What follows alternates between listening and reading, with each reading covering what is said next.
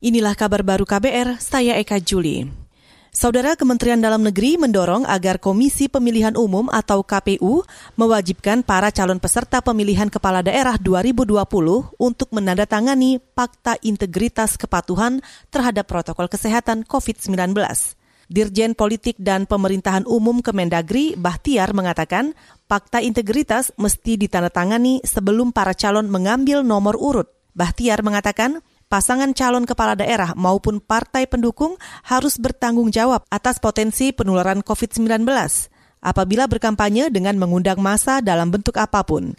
Bahtiar juga setuju para calon dikenai sanksi apabila ada pelanggaran protokol kesehatan, baik oleh tim sukses maupun pendukungnya.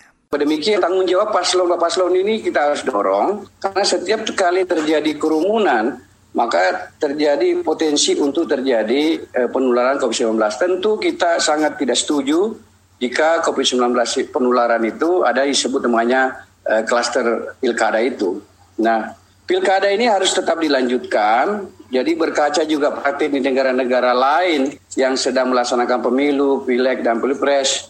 Saudara Direktur Jenderal Politik dan Pemerintahan Umum Kemendagri Bahtiar juga menambahkan, Pemerintahan mendukung Pilkada 2020 tetap dilanjutkan meski di tengah pandemi. Namun dibutuhkan komitmen semua pihak untuk tetap mengutamakan protokol kesehatan. Pemerintah tidak ingin ada klaster baru penularan COVID-19 pada setiap tahapan pilkada. Pengadilan Tindak Pidana Korupsi Jakarta menjadwalkan sidang perdana terhadap Jaksa Pinangki Sirna Malasari pekan depan. Jaksa dari Kejaksaan Agung itu didakwa terlibat korupsi dan pencucian uang dalam perkara pelarian Joko Sugiarto Chandra. Mengutip antara, sidang akan digelar Rabu 23 September dengan agenda pembacaan dakwaan di Gedung Pengadilan Negeri Jakarta Pusat.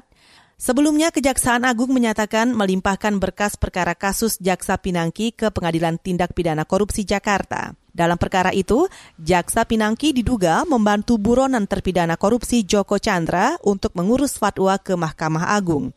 Jaksa Pinangki diduga bersekongkol dengan pengacara Joko Chandra dan seorang pengusaha. Persekongkolan diduga untuk membuat Mahkamah Agung mengeluarkan fatwa agar putusan pidana Joko Chandra tidak jadi dieksekusi. Suap diduga senilai 1 juta dolar Amerika.